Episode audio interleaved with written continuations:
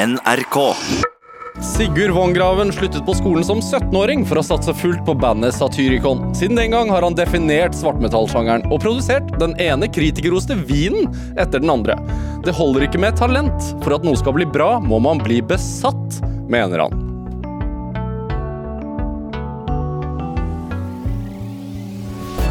Dette er Drivkraft med Vegard Larsen i NRK P2. Sigurd Vongraven, veldig hyggelig å ha deg her i Drivkraft. Ja, takk for at jeg får være her. Det, man spør jo som man gjør. Hvordan har du det? Eh, Det har vært en ganske grei start på året. Jeg, sånn, jeg er inne i en hvit måned. Hvit måned. er det Det er litt rart når man er vinprodusent og har en hvit måned. Ja, det er det, men sant. Det, når, man, når man også produserer vin, så blir jo desember ekstra hard. Jeg skal, jeg skal få med meg alle de der julemiddagene i musikkbransjen og vinbransjen. Eh, konsekvensen av sånn 200% stilling, så du kommer da til du våkner opp på første nyttårsdag. Så tenker jeg sånn Nei, nå må jeg ha en pause. Er det nyttårsforsett? Det er ikke et nyttårsforsett, det er noe jeg gjør fra tid til annen. Og jeg har alltid gjort det, faktisk. Jeg har vært sånn at ja, Jeg husker når vi lagde Satyricon-plata De Janeiro i, i eh, 2008 kom vel den ut, så vi jobba med den i 07-08. Da husker jeg vi hadde foran meg en sånn veldig lang periode hvor jeg visste som kom til å bli steinar på en sånn tre og en halv måned eller sånn. Så tenkte jeg at eh, hva skal jeg gjøre? Og da tenkte jeg en av de tingene du kan gjøre, er liksom avstå fra alkohol og festing og alt sånn, og så får vi se om det, om det hjelper noe. Og det var liksom den første erfaringa jeg hadde med et litt sånn lengre opphold, da, for å prøve å se om det ga noe overskudd. Jeg liker, jeg liker, å, jeg liker å spise gode middager, og jeg liker å drikke vin, og jeg liker å gjøre det regelmessig, men det er klart hvis du skal inn i en hard jobbperiode, så kan det være greit å ta en liten pause. Og hvis du merker også at du har vært gjennom en sånn hard julebordperiode, så kan det også være greit å ta en pause. Men er det vanskelig? Eh, det er vanskelig de første dagene, for da, da syns jeg det er så I hvert fall jeg da, syns det er så kjedelig. Ja, det er vanskelig å vite hva man skal ta seg til. Men så, ja, etter et par uker, så begynner du å merke at uh, får litt mer overskudd.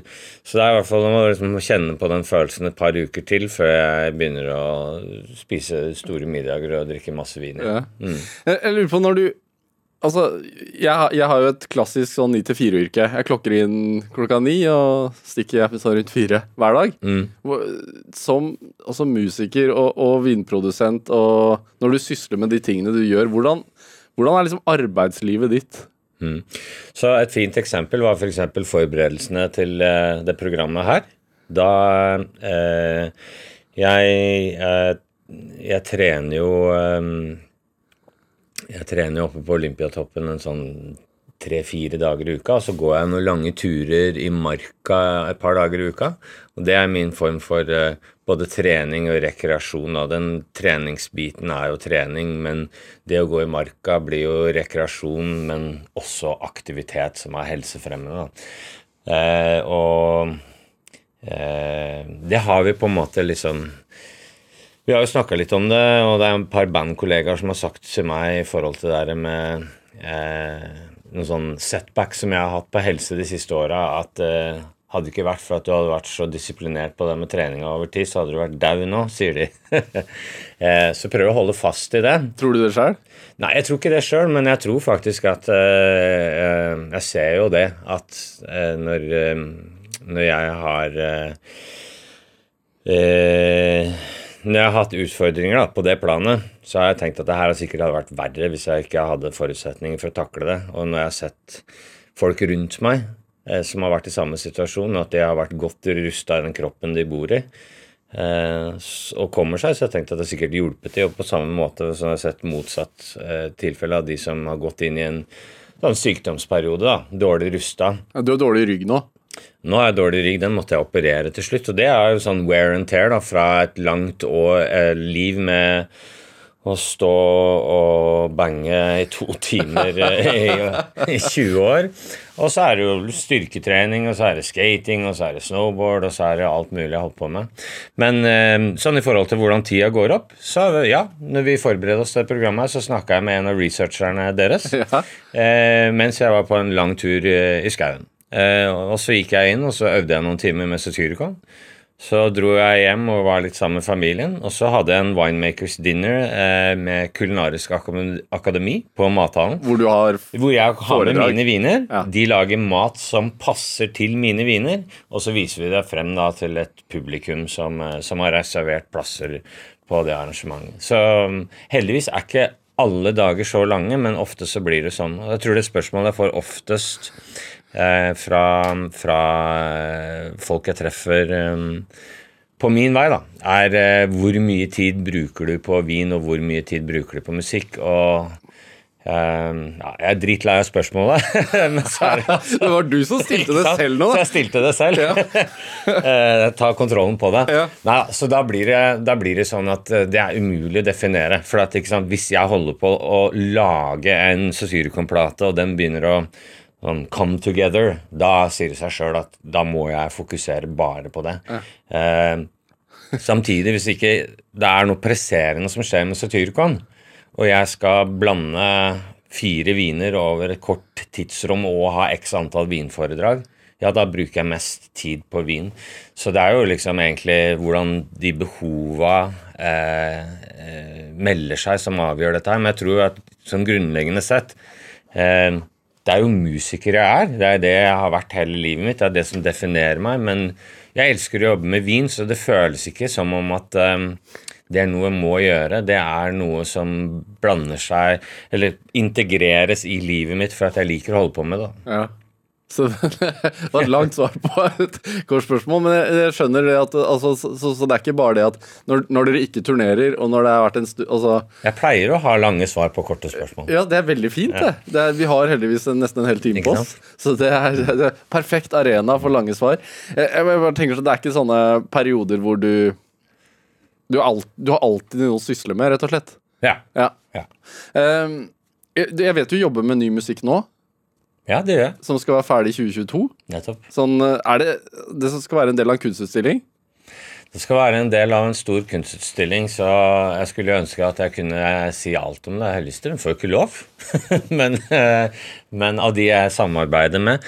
Men det vi skal gjøre, det er at jeg har hatt en idé om eh, at når du ser på en kunstutstilling, så har du Du betrakter, og så kanskje man blir litt sjenert, og så hvisker man, og eh, man opptrer vel kanskje litt sånn, i hvert fall gjør jeg det, jeg opptrer på den måneden som jeg antar forventes av meg når jeg går inne på et, galleri, galleri. eller ja, museum, da. Og Det er litt sånn rart med tanke på eh, hva slags kunst ofte som presenteres, og hvem kunstnerne er. At man ter seg veldig på, på galleriet. Ja, man gjør det. Man gjør det. Så, så, da blir det jo eh, Da blir det jo egentlig nesten sånn, en sånn en, et fast mønster for hvordan det her skal oppleves. Og da har jeg tenkt at ok Når musikk kobles inn, da, da opplever i hvert fall jeg at da er det ikke kunst lenger. For da blir er, For de som gjør dette her, så skal de typisk da vise frem artige, fiffige løsninger. Du ser på et bilde, så kommer det musikk gjennom hodetelefoner. Når du forlater det bildet, så på magisk vis stopper musikken. Så kommer du til et annet bilde, og da starter en annen sang. Wow! Eller du går gjennom et rom, og så tenker du Oi, hvor kom den lyden fra? I taket? Jøss. Smart. Eller du snur deg rundt, så tenker du Oi, er det her noe sånn smart surround-system? Det er ikke kunst. Det er teknologi. ikke sant? Så det er sånn, det kan man ha f.eks. på en hifi-messe.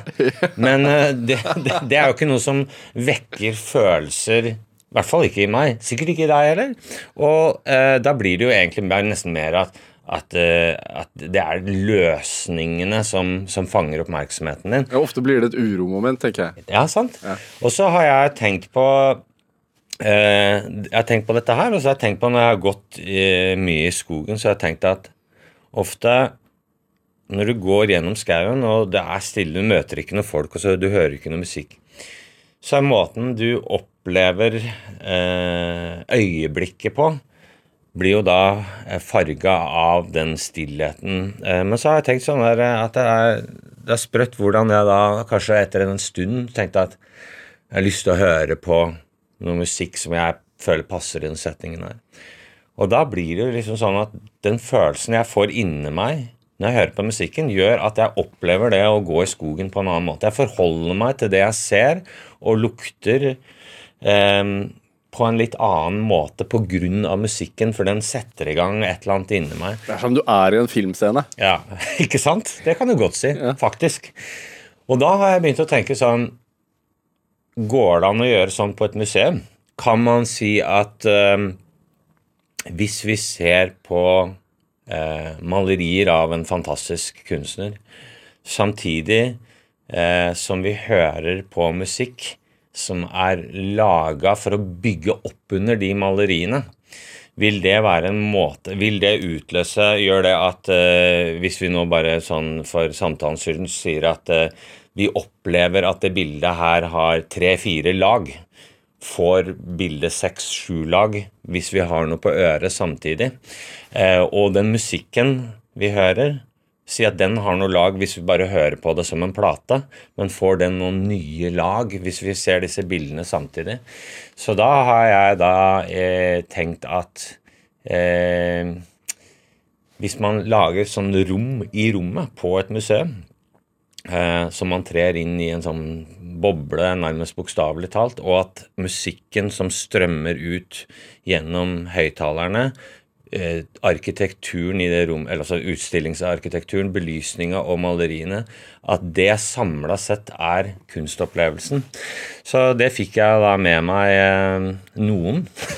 du, du, får ikke lov til å si hvem? Nei. Du vil ikke. Eh, men eh, eh, la, la, oss, la oss si en av våre virkelig store. Ja. Eh, og, eh, og det er jo det jeg nå har begynt å jobbe med, og det skal, det skal jeg være ferdig med sånn i slutten av neste år. Og så skal vi stille det her ut sånn fra februar til mai 2022. Og vi må jo lydfeste det for at det skal kunne spilles av, Ja. det, det verket her. Og følgelig blir det også en ny Satyricon-plate av det. Ja, Så det, det, blir den nye plata? Ja, Men det blir jo ikke en eh, Hvis det er noe som heter vanlig Satyrkon-plate, så blir det jo ikke det. For dette her blir jo en time langt uh, instrumentalverk. Ja. Hvordan, hvordan vil du beskrive en vanlig Satyrkon-plate? At den har kanskje en åtte-ti sanger som er mellom fire og åtte minutter. Det er det. Ja. det er, altså, jeg, jeg, tenk, jeg tenkte for, for uh, vi, vi må spille litt Satyricon uh, for å for å høre hva, hva, hva slags musikk dere lager, for, for de som ikke har hørt det. Eh, jeg, jeg tenkte vi skulle høre King fra 2006. Det er sånn midt i Satyricon-karrieren på et vis. ja, og den mest kjente låta til bandet noensinne. Ja, over seks millioner eh, avspillinger på Spotify så jeg rett før jeg gikk inn i studiet. her. Men, men sånn, før vi spiller den, hva, hva, hva er historien til den låta? Altså, hvordan vil du beskrive lydbildet på den? Jeg følte jo når vi holdt på med den låta, eh, og jeg holdt på, jeg holdt på eh, få brikkene på plass, og så husker jeg at jeg spilte gitarintroen til en eh, Hva skal vi si En som ikke spiller black metal. Eh, som, som sier at eh, eh, så sier han at det her er sånn gitarleksiger som du kan stå og spille på stadion. Og så skjønte jeg han mente meg at det har noen sånn universalkvaliteter, enten om du kommer fra rocken, hardrocken eller metal. Eh, og det er vel litt sånn sånn King på en måte har blitt. altså For oss er jo det liksom den store ekstranummerlåta, og det er vel på mange måter også den låta hvor eh, selv de som insisterer på å være liksom surmulende core-tradisjonalister i black metal, eh, må gi seg litt enden over. Og jeg føler vel på en måte at det er eh, At den opp, oppsummerer drivet til bandet også. Bandet har jo, har jo Vi har ikke liksom én type låter. Vi har jo låter på over ti minutter. Mange. Eh, men jeg syns også de låtene har driv. Her er det mer kompakt utgave med sine tre og et halvt minutt, eller hva det er. Ja, hva var sånn eh, Når du går på scenen, og så har dere spilt et sett, da går jo du fra å være Sigurd til å bli Satyr. Ja, jeg er jo begge to hele tida, men ja. Ja, og, Men hva, hvem er du på scenen når du, når du spiller i gang den låten her? Eh, Master of Ceremonies. Ja. Mm. Hva, hva, hvordan er det altså Jeg bare tenker sånn når du sier at selv de mest surmulende Ja. blir med på den. Ja, på den. nei, det er en fantastisk følelse. Ja. Det, ja, men Går det an å beskrive det? Uh, For en som aldri har stått foran tusenvis av fans, som er ja, litt sånn Mom, I made it. Ja, jo, men, jo, men altså, ja, ja, sånn- men jo, det er jo faktisk litt sånn. Det er litt den der følelsen av at uh, um, Appreciation Altså, jeg, jeg, jeg kjenner når Steinar, lead-gitaristen vår, begynner å spille den introen, så selv om de vet med overveiende sannsynlighetsvekt hva som kommer, ja. så er det det der, eh, den jubelen da, som kommer når han, når han begynner å spille gitarintroen. Eh, og så er det at folk begynner å sånn, klappe og hoie taktfast igjennom til verset er i gang. Eh, og at eh, selv om vi spiller black metal med ekstrem vokal, så kan jeg i, i prekoruset så kan jeg egentlig bare innlede det, og så lene øret mitt mot publikum, og så synger de resten for meg. Eh, eller roper det, eller hva man skal kalle det. Og det er en fantastisk følelse. Jeg, jeg syns jo ikke det er liksom den følelsen av at man blir beundra, men det er det at man skaper den begeistringa og den entusiasmen og den euforien eh, av å se at eh, eh, selv om vi driver med med liksom mørk musikk og sånn, men så er folk blir så jævla gira og på en eller annen rar måte happy happy. Ja, ja, ja. Jeg hadde, hadde Magne, Magne Furuholmen her fra a-ha i, i et annet drivkraft, og Ja. han, for, han forklarte det litt som at det nesten var sånn Altså Det skjedde noe mellom publikum og de på scenen som nærmest altså Man var en enhet, og det ble nesten sånn sakralt. Ja, det er helt riktig. Eh, og eh, jeg kjenner Magne, han er bedre enn meg til å sette ord på sånne ting. Han har helt rett i det. Ja. Det er sånn det er. Du, eh, Jeg syns vi skal spille litt av King. Ja, men tek teksten. Hvordan jobber du fram den?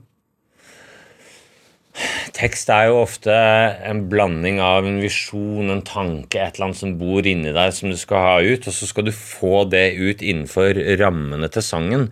Noen ganger så skriver man en tekst, i hvert fall jeg, da, eh, frittstående, og så må man egentlig bygge litt rundt at teksten er som den er. Andre ganger så har låta en veldig sånn fastsatt ramme som ikke du kan gå bort fra i spesielt stor grad, og da må du prøve å si at ok, hvis du skal si dette her, og det skal fungere rytmisk med det gitarriffet her, så kan jeg ikke si det på den måten. Da må vi finne f.eks. et annet ord med færre stavelser som sitter bedre med trommene, men som i essens betyr det samme, og som har en eller annen poetisk klang. Ja. Og Det er jo noe av det vanskeligste vi holder på med, føler jeg. Ja, fordi i, i Altså, det er jo stemmen og det som Altså Vokalistens stemme er et instrument i seg selv, nesten. da Ja, og jeg prøver jo, ikke sant Jeg synger, jeg synger jo eh, forholdsvis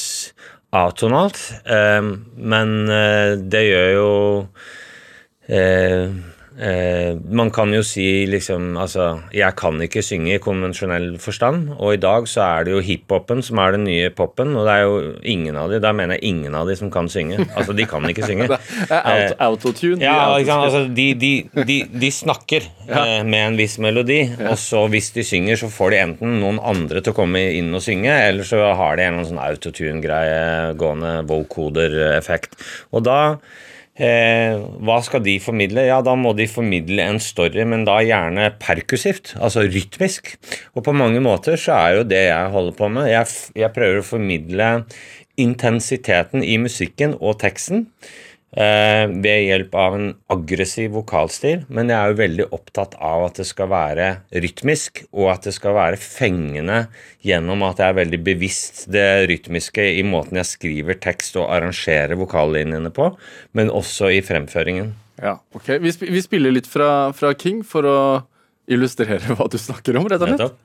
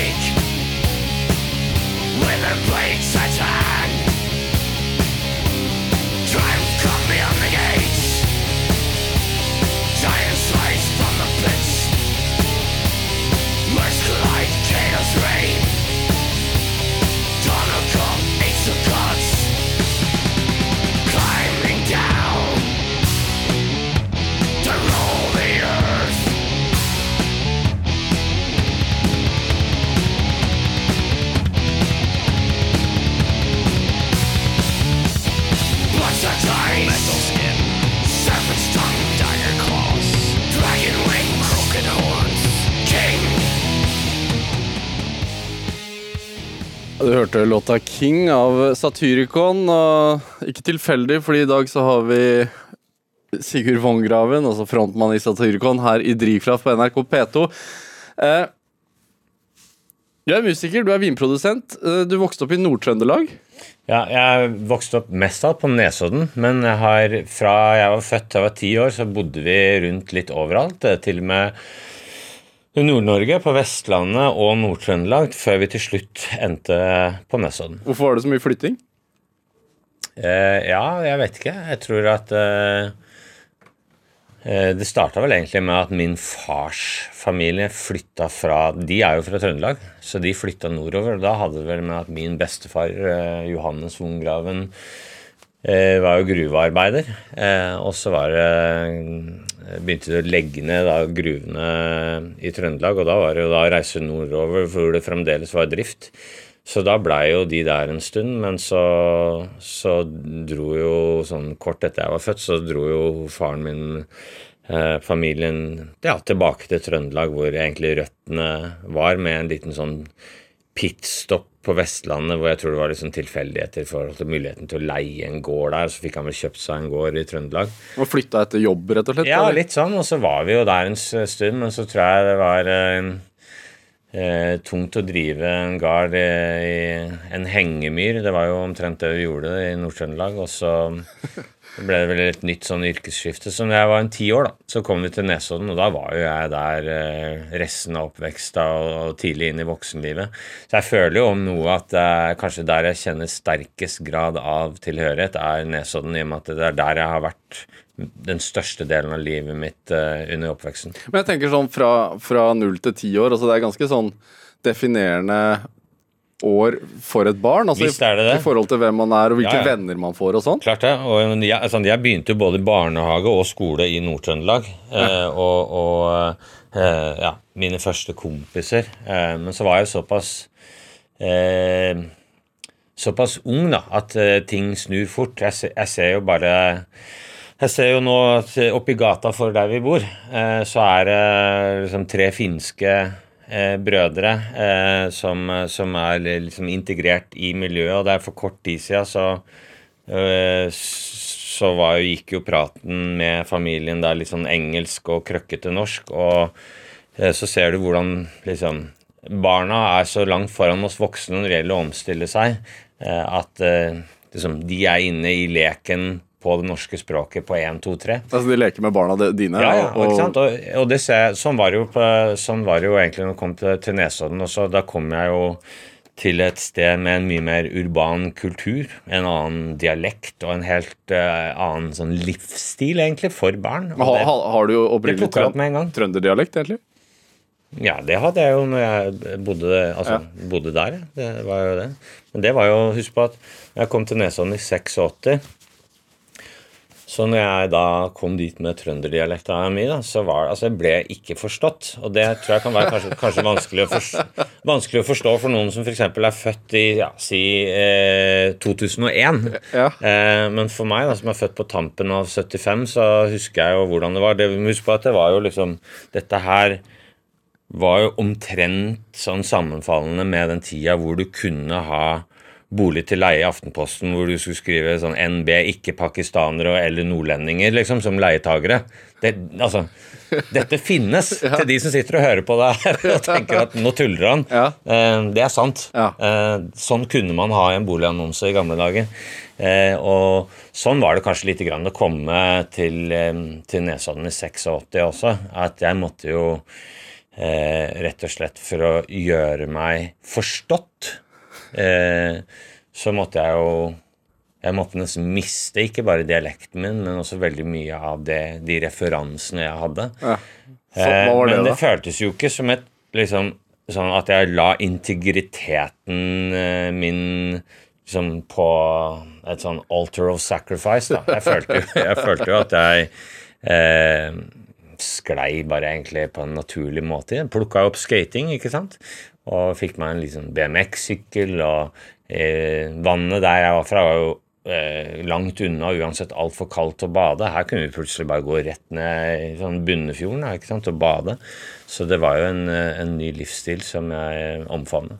Men hvor- eh, når man, når man er eh, i de årene og reiser såpass mye rundt og sånn, hvor viktig var musikk for deg eh, som barn? Hele veien.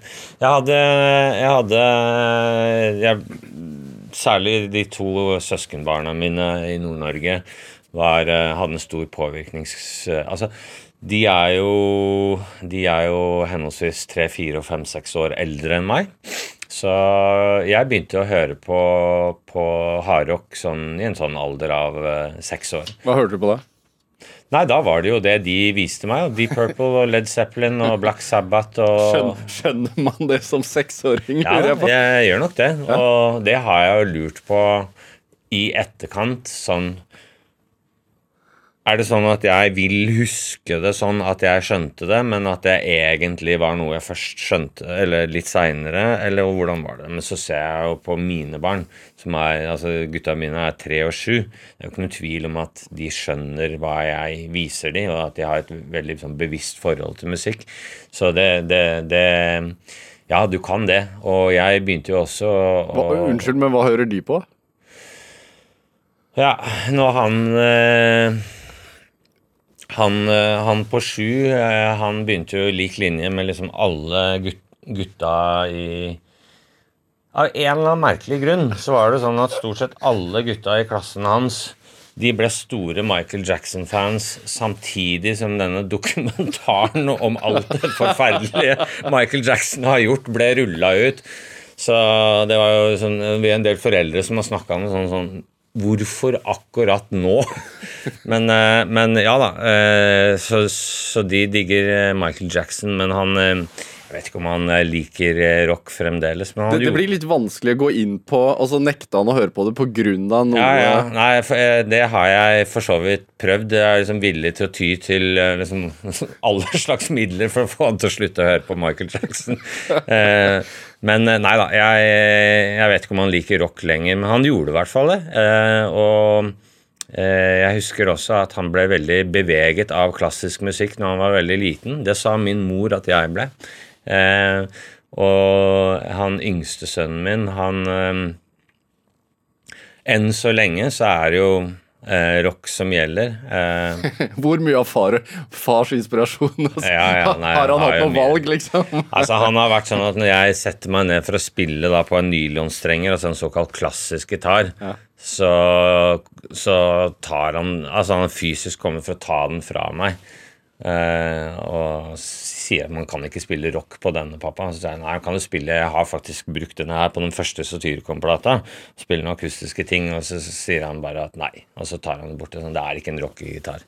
Så han er, han er hardcore i en alder av tre. Hva syns du om Satyricon, da? Ja, når, når jeg, jeg vet jo ikke når han Jeg har jo spurt han på syv om han fremdeles liker Satyricon, og sier han jo at jo da Han sier sånn Bra. og da tenker jeg sånn Nei, det, jeg vet ikke om jeg tror på det. Kanskje. Men, eh, men han yngste han liker definitivt eh, Satyricon. Det gjør han. Det gjør han. Tror du at, tror du, at du eh, Altså at man blir født til å sette pris på musikk? Altså Tror du at det lå i deg at musikk Jeg kommer ikke fra en musikalsk familie. Nei? Det gjør jeg ikke. Så jeg syns at øh, øh, her, altså, Min familie er ikke opptatt av, øh, av musikk og ikke opptatt av vin. uh, så jeg tenker de må jo noen ganger se på meg og tenke liksom Hvor, hvor kommer han fyren der fra? Eh, men Nei, jeg, jeg var visst glad i å s- høre på musikk og lærte meg i alder av to-tre år å, å få på en LP-plate. Jeg tenker jeg må ha ødelagt stiften. men eh, og jeg har, er, Dessverre så er det ikke så mye bilder fra den tida der, da, men det er, jo, det er jo et bilde et eller annet sted der hvor jeg sitter med noen sånn oversize eh, hodetelefoner på en gyngestol foran en platespiller og høre på. Og moren min har fortalt meg hvordan at jeg kunne sette meg ned der og være- helt turbo som da to-treåringer var, men når jeg satt der, så satt jeg helt stille til A-siden eller B-siden stoppa, da. Og eh, Skjedde noe inni skallen, rett og slett? antagelig, og jeg tror jo, jeg, jeg, jeg tror jo det, det, det er det som skjer når vi er voksne nå, at det skjer noe inni skallen. Ja. Men det er, jeg tenker jo eh, hvor, hvor- sterk identitetsbygger er, er musikk, tenker du? Og har vært for deg? Ja, det er jo eh, Det er jo det jeg ble, da. Musiker. Hæ? Og eh, jeg, er jo, jeg er jo musikkfan også, i tillegg til å jobbe med dette her profesjonelt. Og så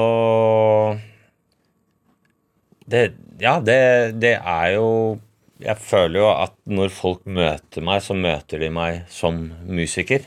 Men jeg antar at man gjør det innenfor andre næringer også.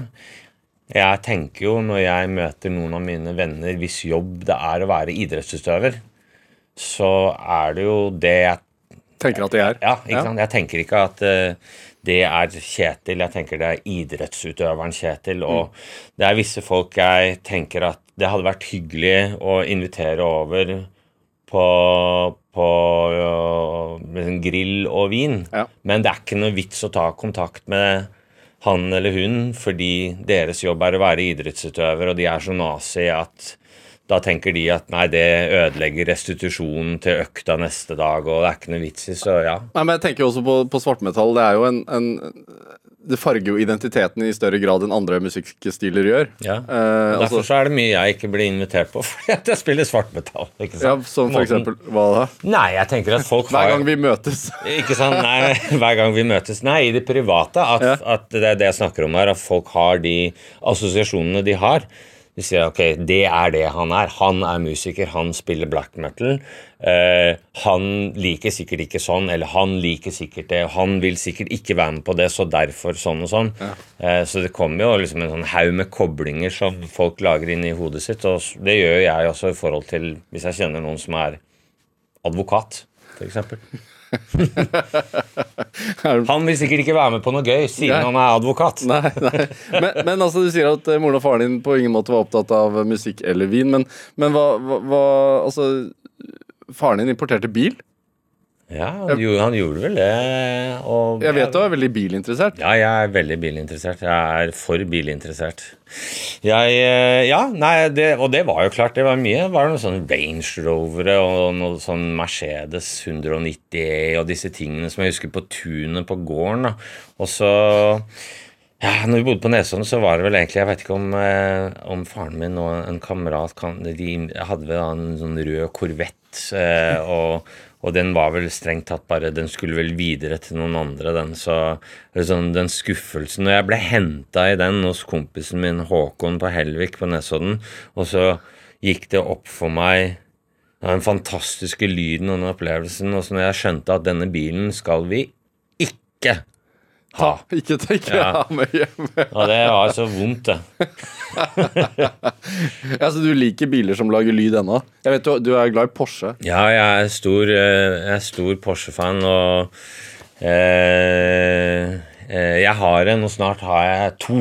Du har snart to. Eh, Ja, og jeg er veldig, veldig glad i det. Jeg, jeg har hatt mange, og jeg tror jeg kommer til å ha mange flere. Jeg, Er det verdens beste bil, sånn du ser det? Ja, det er verdens beste bil. Ja. Ja, og i, i eh, går så hadde jeg råflaks og fikk sitte på en eh, kjøretur i et kvarter i den eh, nye elbilen deres. Ja.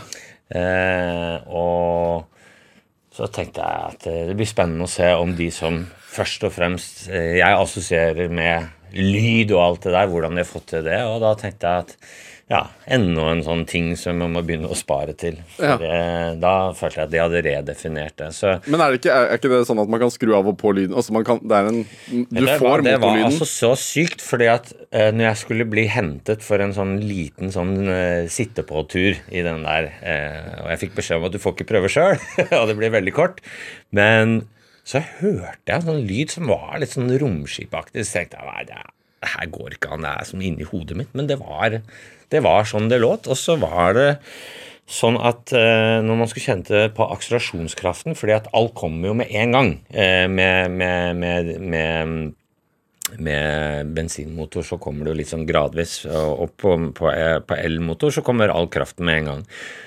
Og da var det sånn at mer enn akselerasjon så føltes det som teleportering. så jeg tenkte rundt det.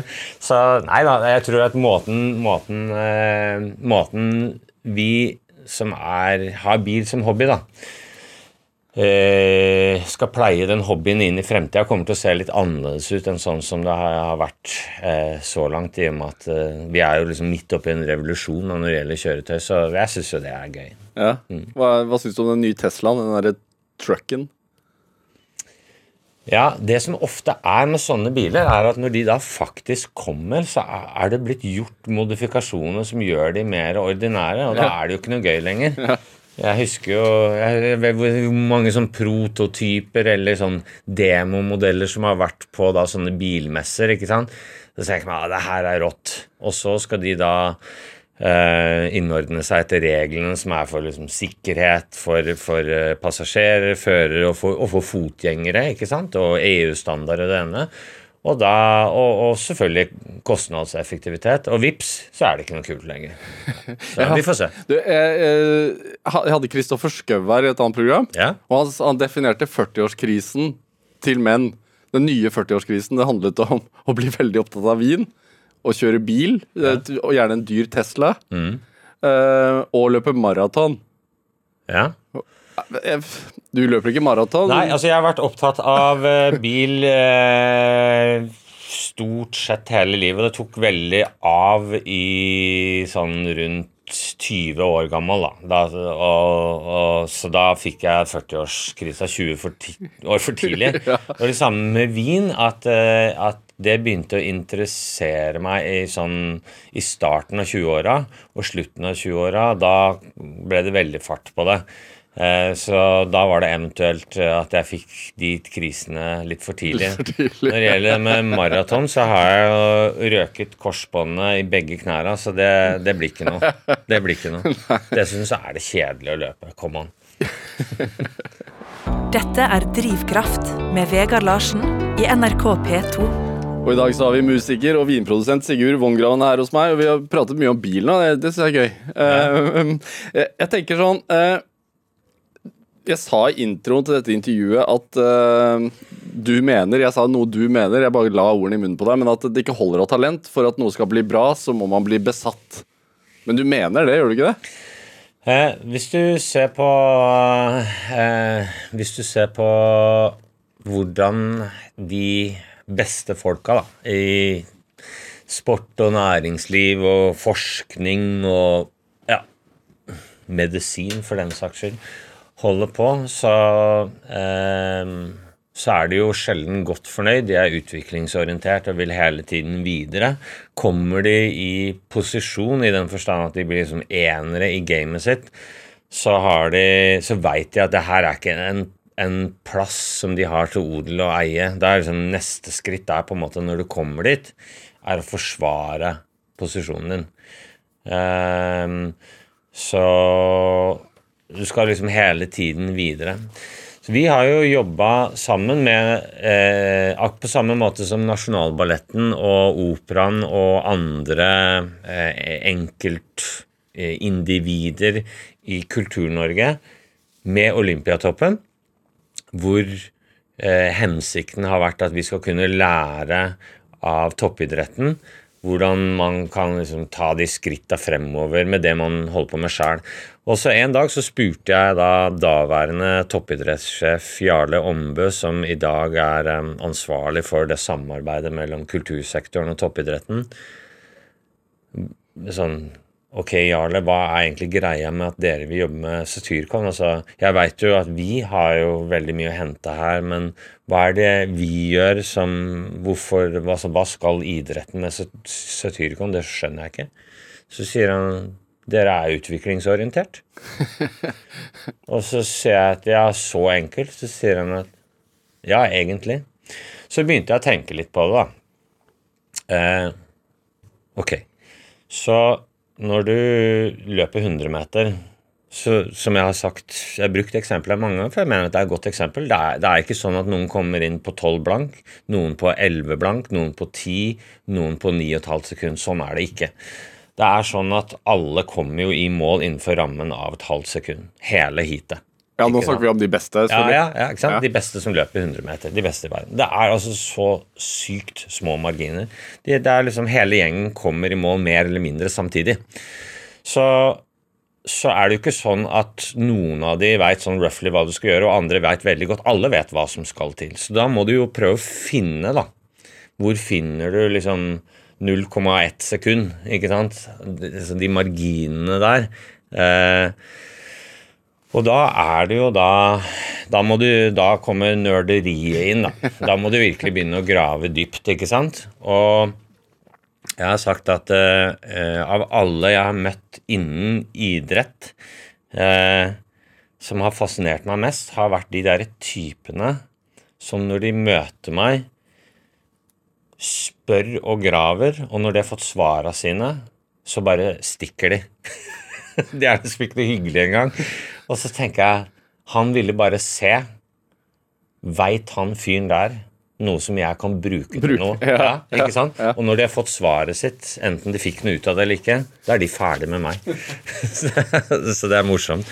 Eh, og eh, sånn, sånn er det jo liksom eh, i, eh, i musikken. Da. Det er jo Men, ikke men merker man det som publikummer eller som vinkonsument at du har jobbet så hardt for det lille ekstra, tror du? Ja, det tror jeg. Ja. Det tror jeg. Og det, jeg tror at eh, man, man merker det når man ser Cecilcom på en scene, at vi er et band som ikke bare går og øver eh, rett før vi skal ut på en turné, men at vi øver hele tida fordi at vi vet at uh, dette er, det er jo det her vi driver med. Uh, og vi kan ikke liksom bare sånn, børste støvet av de sangene her sånn når det gjelder. Hvor ofte øver dere? Vi øver hele tida. Alle øver på sine respektive instrumenter Ja. hele tiden. Eh, og så eh, møtes vi regelmessig for å øve, og i perioder hvor det skjer mye, da eh, møtes vi jo hele tida. Men, eh, men eh, selv om vi kan ha opphold som et kollektiv, så foregår jo arbeidet på individplan uh, ustoppelig. Og så er det Og så er det Så er det jo sånn at uh, Uh, du må ha den samtalen med deg sjøl hele tida. Uh, sånn, altså hvis jeg uh, sitter og lager en blend, en vin, og jeg føler at dette er bra, men jeg er ikke 100% sikker på om det er bra nok, så opplever jeg at da er det jo, er det jo ikke bra nok, da. Ikke sant? Og da er det jo bare på en måte å bare grinde på til man kommer dit. Men hvor kritisk er du mot deg selv, da? Jeg er eh, såpass kritisk at eh, f.eks. når det gjelder å blande en vin, så har jeg veldig ofte eh, en følelse når jeg er ferdig, at det ble bra, men det ble ikke bra nok. Og så, når det har modna, og vi åpner flasken, så tenker jeg at jøss, det ble jævla bra. Og så kommer jeg liksom til et punkt etterpå at kanskje jeg skal slutte å å være sånn mot meg sjøl og de jeg lager vin sammen med. Men så tenker jeg at nei, jeg skal faktisk holde fast ved det. For jeg tror at det er den tvilen og den selvplaginga som gjør at jeg da stort sett er veldig fornøyd når, når det er ferdig. Men når jeg, når jeg når jeg sier at denne blenden sitter, så er det jo en prosess. Da Da skal, da skal, jo, vinen, eh, da skal vinen gjennom litt ting før det er et ferdig produkt. Og når jeg da gir den fra meg, så tenker jeg at ja, ble dette egentlig bra nok? Men så viser det seg da, når det er et ferdig produkt, at det, det, det blir jo gjerne det. Er du lik når du lager musikk? Ja, altså når jeg lager musikk, så altså, Da føler jeg faktisk smerte. Det er vondt. Og jeg tror at det er så vondt for meg å lage musikk at eh, det er veldig vanskelig å være rundt i, i, i de periodene. Så. Hvorfor er det vondt? Takk skal du ha, Marlin. Ja, som er kona di. Ja. Eh, nei, det er vondt fordi at jeg, jeg vil så gjerne da, at dette her skal bli alt. Eh, og det er ikke noen vits å lage en ny Satyricon-plate for meg hvis ikke jeg føler at eh, det neste jeg lager, er det beste. Da, da har jo ikke jeg noen motivasjon. Det er jo ingenting som driver meg. Drivkraften kan jo umulig være at det bare skal være en ny plate. Hva er drivkraften din, da? tenker du? Nei, Drivkraften er jo egentlig da den derre reisen. Det er jo som jeg har sagt mange ganger eh, i mitt møte med, med, med pressen når jeg har en ny plate ute. eh, at med åra så har det gått opp for meg at det er jo det her med den reisen. Da. Kan man lage den perfekte plata? Eh, mest sannsynlig ikke. Eh, men hvis man, hvis man vil, da, så vil man sannsynligvis Hvis man vil klare det, og jobbe for å klare det, så vil man ta de skrittene mot målet hele veien så lenge du holder på.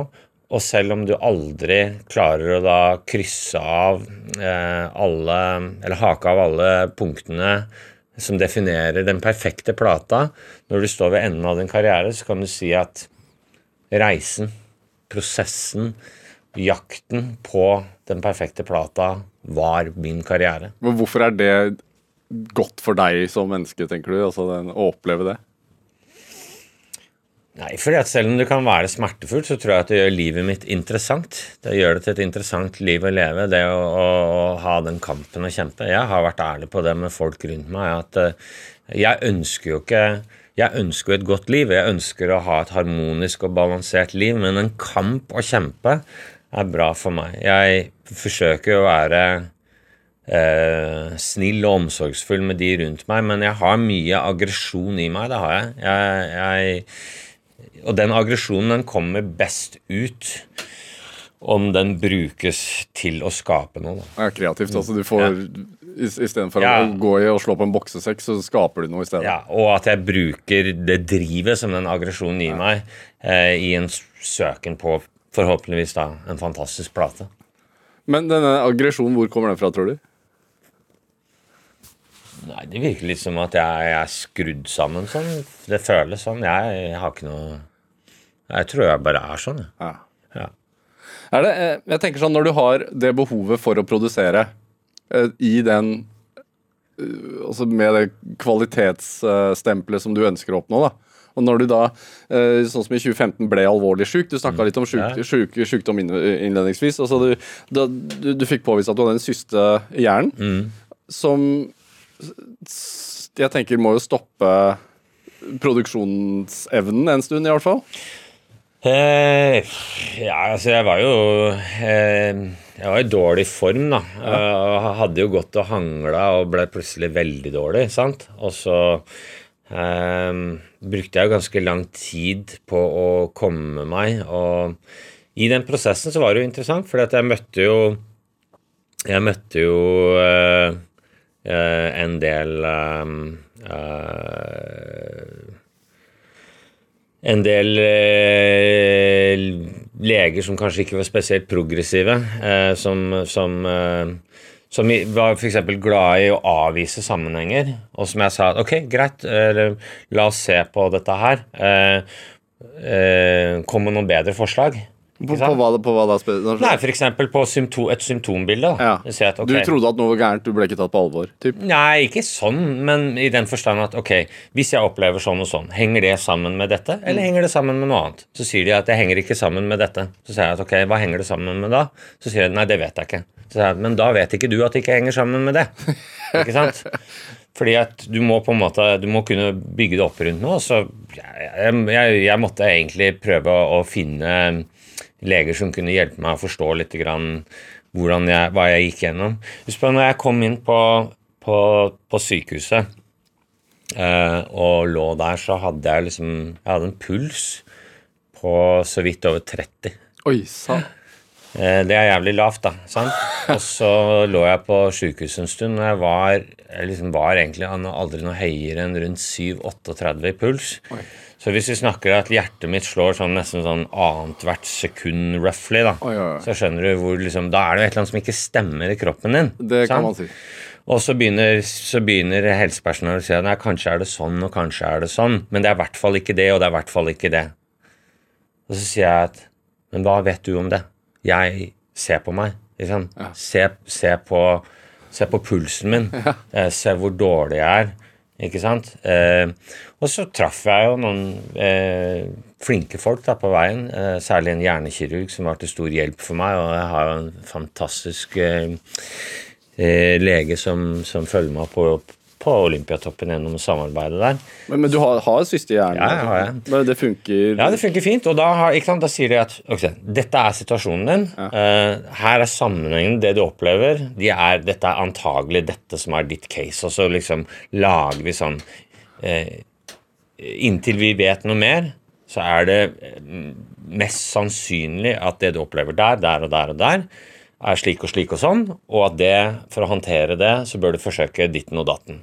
Og det var jo liksom en sånn eh, reise som ble til på vei Altså løsningene ble til etter hvert som jeg gikk, eh, og du fomler jo en del i starten, men eh, men eh, for eksempel så Ja, jeg har jo en eh, I dag så har jeg jo en en eh, veldig syk kollega i Satyricon som, som jeg sa at jeg tror det beste rådet jeg kan gi til deg eh, nå, er at du skriver en logg over hvordan de gode dagene er, og de dårlige dagene er. For da skaffer du deg litt oversikt over hva som utløser en god dag og en dårlig dag. Da ser du den røde tråden som du ikke ser hvis ikke du driver og skriver. Det var et godt tips jeg fikk av legen min på Olympiatoppen. Ja. Eh, prøv å sette deg inn i dette her, så skjønner du sjøl hva du skal gjøre for å beskytte deg sjøl, hva du skal prøve å unngå, og hva du kan gjøre som kanskje på papiret virker uklokt, men som faktisk går helt fint. Hvordan ser din logg ut, da? Hva sa du? Hvordan så din logg ut? Min logg var egentlig, ble litt sånn at jeg skjønte at jeg måtte bare lære meg for at jeg skulle egentlig levere, eh, leve et vanlig liv og bare funke sånn som eh, jeg forventer av meg sjøl, og at alle andre forventer av meg. Så må jeg bare tørre å eh, liksom si at eh, ja, jeg vet at du trenger det av meg, at jeg skulle gjort det nå, men det kan jeg ikke gjøre. Og så kan du kjenne litt på at folk sier at nei, det går helt bra, men så går det egentlig ikke helt bra. ikke sant? Men da må du på en måte bare tenke på deg sjæl, og så må du bare drite i, det, i den følelsen at det er ekkelt at folk blir skuffa. Og så må du si at eh, hvis jeg gjør dette her, da blir jeg bare sjukere. Og derfor så har jeg ikke tenkt å gjøre det. Ja, prior, prior, prioritere annerledes, rett og slett. Prioritere annerledes. Er det vanskelig? Men også prioritere litt brutalt. Ja. og uten å ta hensyn til andre enn liksom, eller helsa di. Ja. Er det vanskelig? Ja, det har, Nå er det ikke det, men det var vanskelig i starten. Men det er ikke vanskelig nå lenger. Og jeg lever basically et helt normalt liv, og jeg har jævlig ja, god kontroll på, eh, på på situasjonen min, så jeg føler, meg, jeg føler meg bra, og jeg går ikke rundt og er liksom bekymra lenger. Det som bekymrer meg nå, det er andre folk jeg har rundt meg som er sjuke. Eh, At jeg vil at de skal bli friske. Er det sånn, jeg tenker når, når man får en sånn alvorlig sykdom Det, det er jo noen som sier at man tenker over livet sitt og alt man har gjort, og også alt man ønsker å, å få ut av det. Var det sånn for deg? Jeg hadde i hvert fall sånn i forhold til kunst Ja. at eh, jeg hadde jo definert meg sjøl som en fyr eh, som var glad i billedkunst siden slutten av tenåra, eh, men at eh, jeg selvsagt ikke er av typen som har råd til å eie kunst. Så kunst for meg, det betyr å kjøpe liksom et motiv jeg liker som en plakat, eller gå og se det på museum eller galleri, eller liksom ha det på trykk i en, en sånn coffee table-bok. Det er mitt forhold til kunst. Eh, det å eie kunst, det er for folk som, som har penger. Men så, så begynte jeg å tenke, da. Når jeg lå, jeg lå sånn, jeg kom hjem fra sykehuset, lå jeg sikkert altså, sånn par måneder var jeg lå veldig mye i senga. Og, og da leste jeg mye bøker, og da var det eh, blant annet Jeg leste ganske mye om kunst, da, både på nett og, og i, i, i magasiner og bøker. Og da følte jeg at Hvorfor? Hva, hva er det disse pengene til? Altså, jeg jobber så utrolig mye, og jeg har jo også tjent penger. Hva, liksom, hva skal det være til? Når skal man si at i dag er lønningsdag? Og jeg har nok liksom gjort meg skyldig i det å hele tiden sånn utsette det, da. Sånn at Nei, vente litt, vente litt, vente litt. Og så ja, hva da? Vente på hva da? Og da kicker det inn de der eh, greiene med den der eh, gamle kvoten om at man eh, eh, liksom må leve nå, da. Ja. sånn Før det er for seint. Ja, ja. Og, og det tenker jeg også er kanskje derfor også du har blitt så perfeksjonist i det du produserer. Kanskje. Ja. Sigurd Vongraven, time går fort. Tusen takk for at du kom hit til Drivkraft. Takk for at jeg fikk være her. Hør flere samtaler i Drivkraft i NRK Radio på nett og app, eller last oss ned i din podkast-app. Følg oss gjerne også på Instagram på NRK Larsen. Send forslag til gjester jeg kan invitere til programmet, eller en tilbakemelding på det du har hørt. Send e-post til drivkraftalfakrøll.nrk.no. Produsent i dag var Kjartan Aarsand, og jeg heter Vegard Larsen. Dette var Drivkraft. Du har hørt en podkast fra NRK P2.